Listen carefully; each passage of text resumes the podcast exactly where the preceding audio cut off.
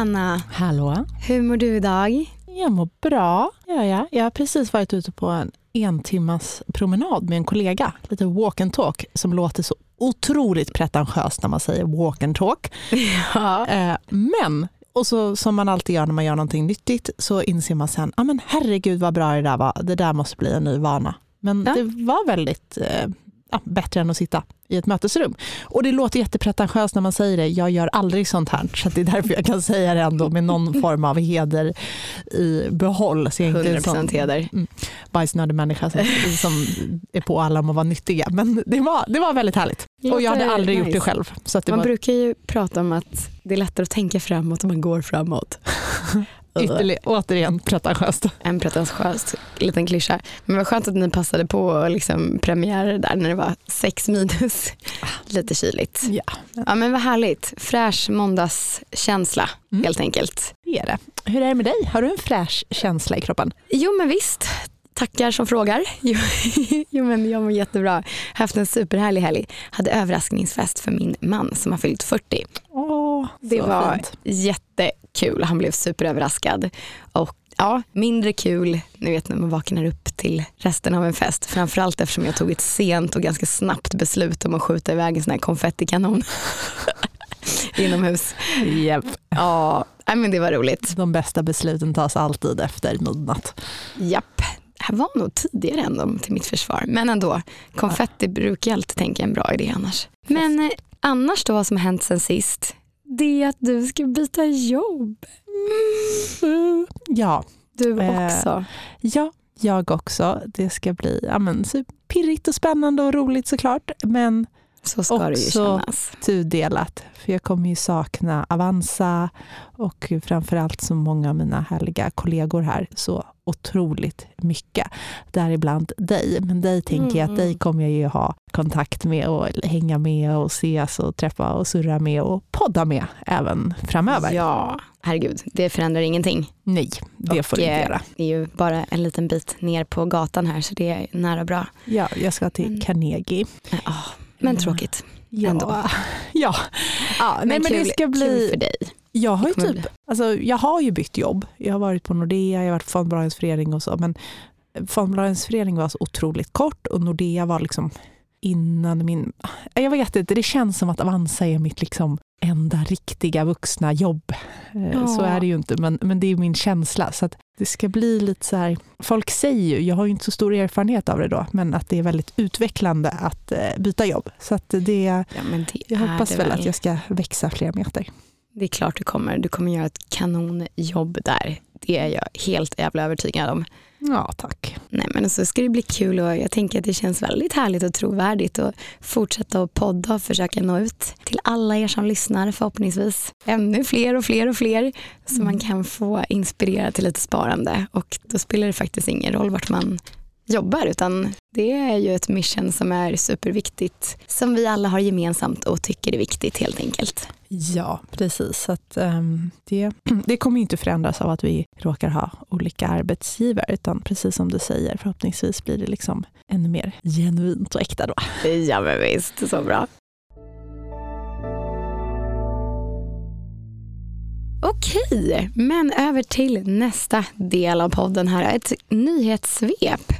Vi fick lite nya siffror idag. Ja, men vi fick ju det och det var ju lite så här, ehm, det var ju lite roligt för det var verkligen, om man såg alla notiser där klockan åtta i morse när Statistiska centralbyrån släppte Ja, inflationssiffrorna för i december så var det så här.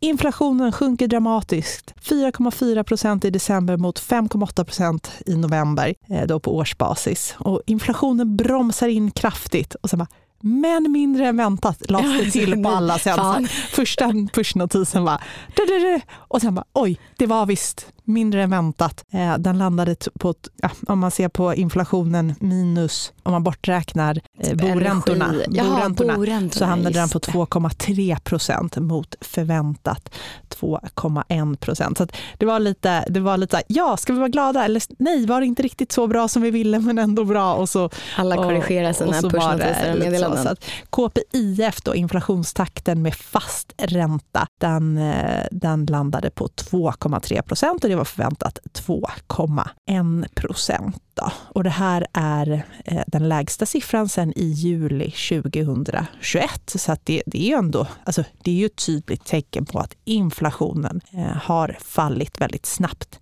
senaste tiden. Och det beror ju främst på att energipriserna varit väsentligt lägre den här vintern än förra Medan andra priser faktiskt ökade från november till december. I november hade man ju Black Friday och allt det där. Det. Men i december, och då pratar vi då om varupriser, men också på sånt som resor och restaurangbesök och så. Så det tyder väl på att svenskarna unnade sig i december. Det köptes julklappar, det gicks på restaurang, livet levdes. Det bokades resor det bokades till varmare resor. länder kanske. Folk kanske liksom hade mentalt bokfört att räntan är på väg ner. Nästa år kommer det bli ett ekonomiskt bättre år än vad vi haft 2023 så att nu kan vi lika gärna liksom fira av 2023 ordentligt. Det var när så här, mänskligheten hängde på det vi har sett på aktiemarknaden som man har räknat in lite. Ja, precis. Så man, man tog in det lite kanske för mycket i, i förskott. Och eh, nu så finns det ju då tecken på att, eh, att inflationen i, eh, i januari, här har ju faktiskt energipriserna ökat ganska mycket eh, i januari mot december, märker mm. vi som bor i villa. Ja.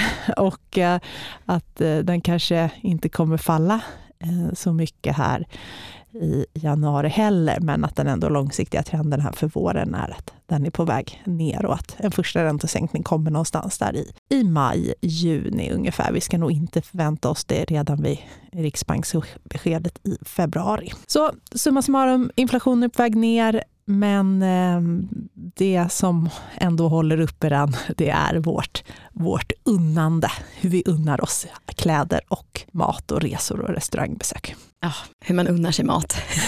Okej. Vet, jag förstår vad du menar. Ja, Okej, okay, okej. Och nu har vi haft två börsveckor här. Den första gick ju i moll, men under förra veckan var det ändå lite uppgångar. Eh, framförallt gick amerikanska Nasdaq-index starkt med en uppgång på drygt 3 och eh, sen årsskiftet står nu flera aktiemarknader dock fortfarande på minus. Eh, Stockholmsbörsens breda index, OMS XPI, har tappat 1,8 ja, efter de två första handelsveckorna. Och det kommer väl vara ännu lite sämre efter idag, måndag den 15 januari. För att eh, börsen senast jag kollade var neråt även idag. Så Stockholmsbörsen har börjat året något sämre än både Europa, den europeiska index och de amerikanska börserna. Så att, eh, vi får väl se. Två veckor är ju faktiskt ingenting. Nej, fortfarande läge att gå in i en bred Sverigefond och kanske få sluta ja. lite över. Precis, kan fortfarande slå index bara genom att kliva in nu. Japp. Ja, och förra veckans viktigaste siffra det var den amerikanska inflationen för december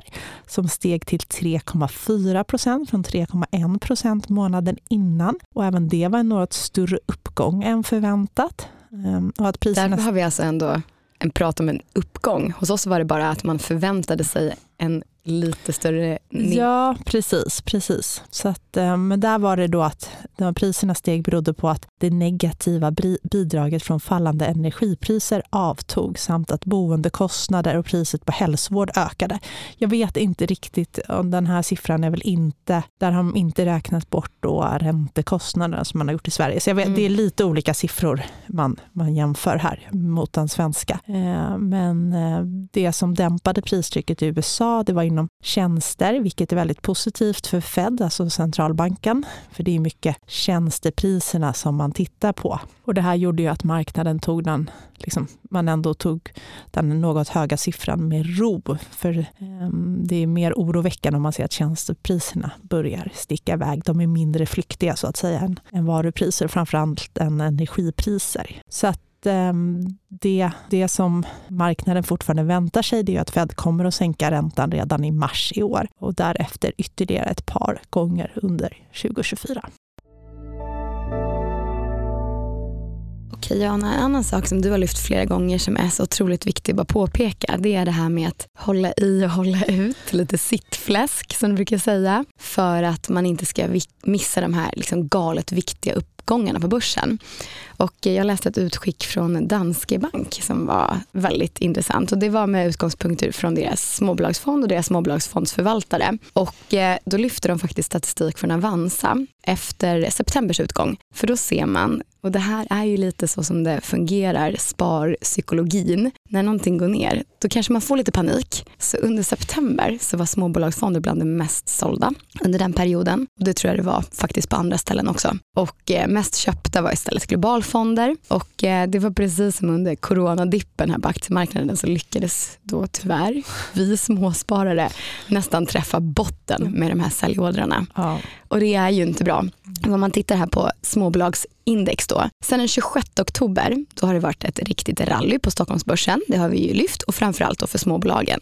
Och från den 26 oktober till precis nyårsafton då var småbolagsindex upp 25 procent. Och då hade alltså vi generellt sett precis klivit ur för att det hade varit lite rött ett tag. Ah, så att inte bra. Och eh, ja, så det man gick in i då var ju som sagt globalfonder istället. Under samma period, om man nu tittar en månad till, från slutet av september till årsskiftet så steg småbolagsindex med 18 procent. Men MSCI World, alltså det här vanligaste globala indexet, steg alltså inom citationstecken bara 2 procent. Så då missade man ju en ganska fin resa upp där. Verkligen, och för svenska sparare kanske det var ännu sämre än då 2 i och med att kronan har ju stärkts mot dollarn under ja, samma tid. Det kan ha varit en sån effekt också ja. Yes. En liten dubbelsmocka. En liten double whammy. Ah, nej, men det, sen så skrev de lite fint om deras och det är ju väldigt många som har en stor kärlek till småbolag.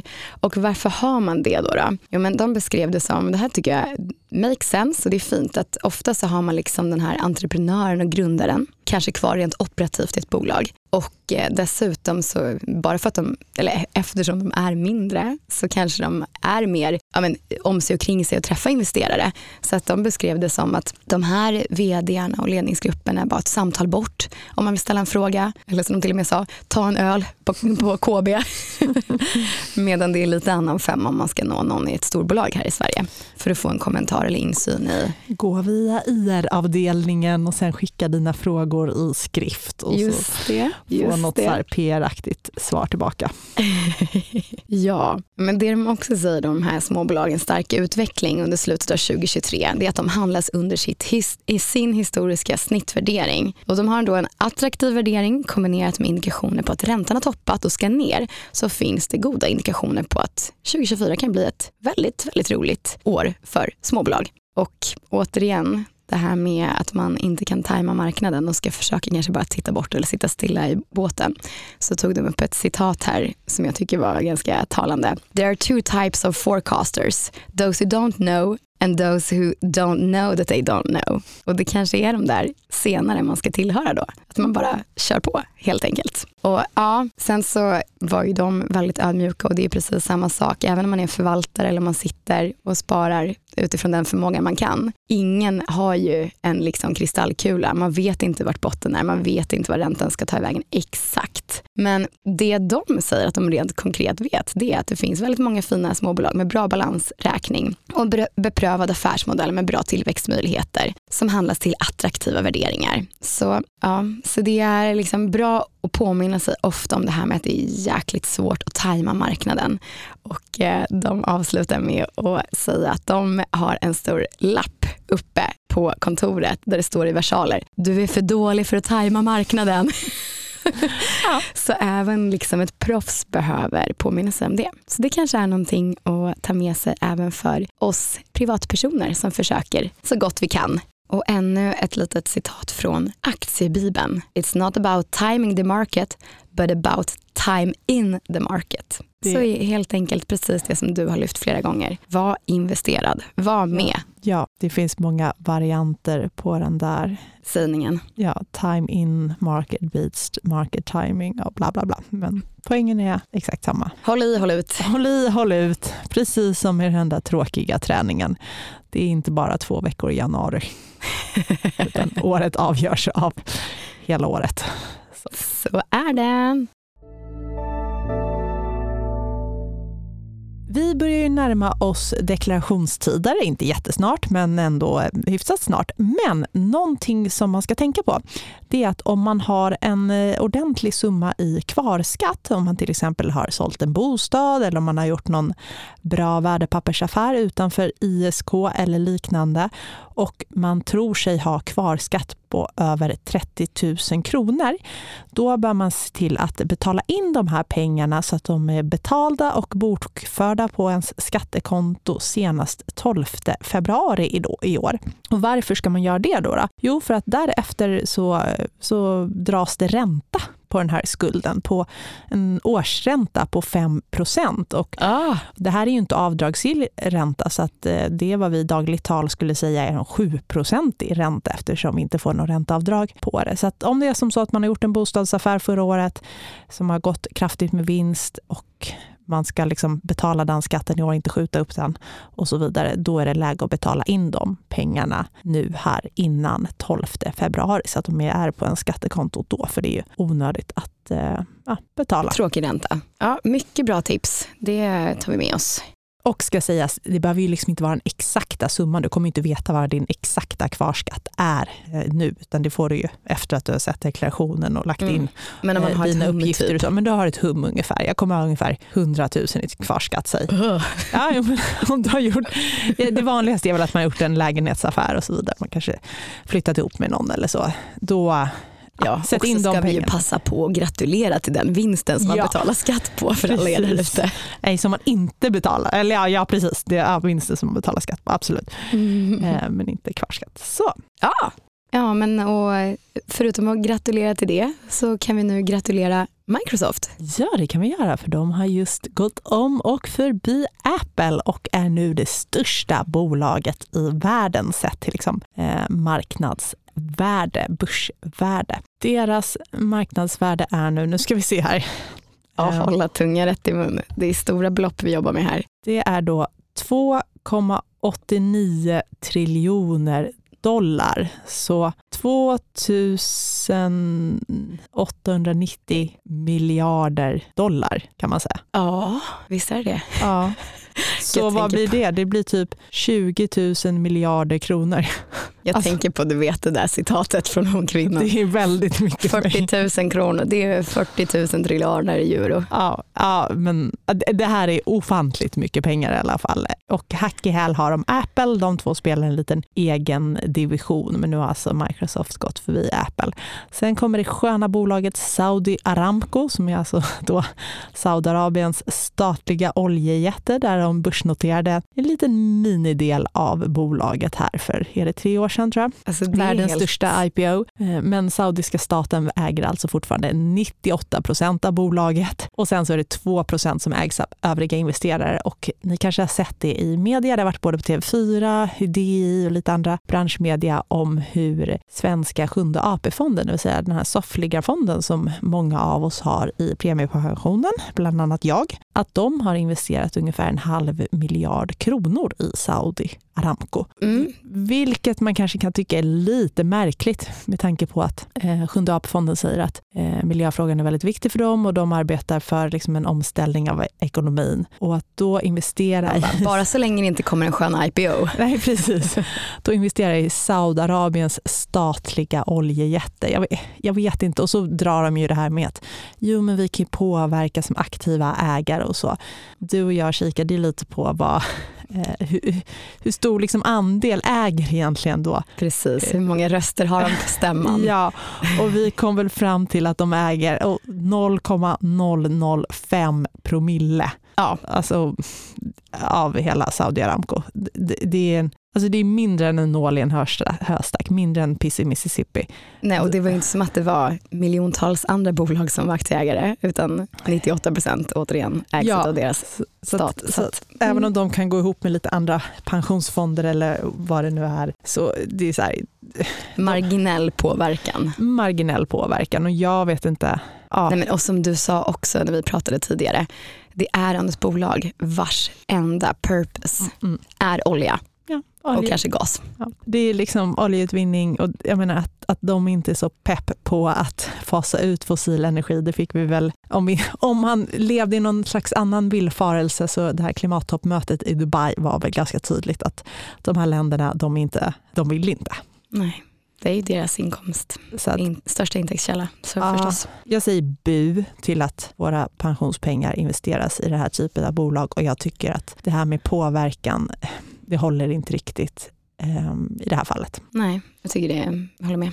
Åter till Microsoft då, världens största bolag kan vi säga nu. Där så ser vi nu att det var Financial Times som hade tagit fram, där de tittade på eh, alltså alla bolag i S&P 500, alltså de 500 största amerikanska bolagen. Och visst, det värderades lite högt nu kanske, men det var inte uppåt väggarna högt, utan ehm, de menar att de här Magnificent Seven, som är flera av de här stora techjättarna, de är faktiskt billiga i förhållande till hur, hur mycket de växer och vilken vinsttillväxt de har, hur snabbt deras vinst växer. PEG-talet för den här korgen är 1,97 eller 1,53 om man exkluderar Apple.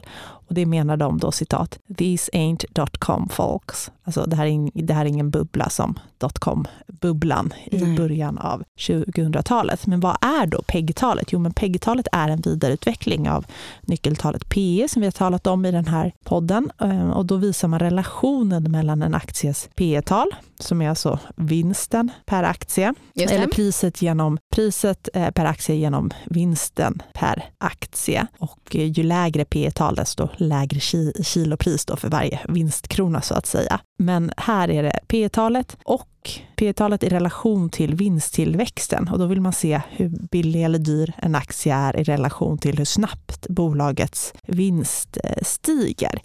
Mm, så att, smart. Ja, och man räknar ut det då genom att som sagt ta P talet med vinsttillväxt per aktie och då får man en, en bild av hur aktien värderas hänseende tillväxten. Så att om två bolag har samma P tal men ett av bolagen växer betydligt snabbare, då kommer det här PEG-talet vara lägre för det bolaget som har en, eh, ja, som växer snabbare. Och då kan man säga att det ja, är mer köpvärt. Det är det det ska, ska visa. Så det här, om ni vill lära er mer om både P tal och PEG-tal så rekommenderar vi Avanza Akademi, där allt det här står väldigt så här, förklarande och med många bra exempel. Men om man då tittar på S&P 500 som domineras av de amerikanska techbolagen så, att, så är den här PEG-siffran den är inte på någon extrem nivå överhuvudtaget. Att den, den har varit betydligt högre i historien. Ja, då kan det finnas lite tillväxtpotential då helt enkelt framöver. Mm. Kul! Okej Johanna, men det var väl allt för idag. Om man ska sammanfatta lite så, ja, men för det första, då, du har fått nytt jobb. Stort jävla grattis ska du ha. men vi kommer fortsätta att ses och podda. Det kommer vi göra, så att ingen förändring där. Ingen förändring där. Nya inflationssiffror som visar att inflationen sjönk ganska kraftigt, men ändå lite högre än vad man hade förväntat sig. Men den mer långsiktiga trenden är ändå att inflationen tydligt är på väg ner och att vi förhoppningsvis kan förvänta oss en räntesänkning från Riksbanken i maj, juni ungefär. Amerikanska centralbanken redan i mars och det brukar ju vara en bra vägvisare för var resten av världen är på väg. Just det. Och det hade ju då även småbolagsförvaltaren tagit fasta på här. Och eh, att vi förhoppningsvis kan se en del sköna börssiffror i år. Och eh, ja, påminna om det här att hålla i och hålla ut. Inte missa de här viktiga börsdagarna utan vara investerade. Det är så jäkla svårt när man ser det där röda på depån och inte hoppa ut. Men ja, var investerad. Ja, och så AP7, se över era investeringar kan vi väl säga. Ja, gör det för att jag tror inte att typ fem miljoner svenskar som är investerade i AP7 riktigt tänker sig att man ska vara investerad i saudiska Oljebolag. oljebolaget eh, Saudi Aramco. Tittar vi på amerikanska börserna så visst, de stora techbolagen har haft en fantastisk börsutveckling, men rent krasst så är de, ser de inte övervärderade ut sett till hur mycket eh, deras vinst faktiskt, faktiskt växer. Ja, så mycket positiva news där. Vi ser fram emot 2024 och det. 2024 tillsammans med er, alla som lyssnar. Det gör vi. Ha det gott! Ha det bra. Tack för idag.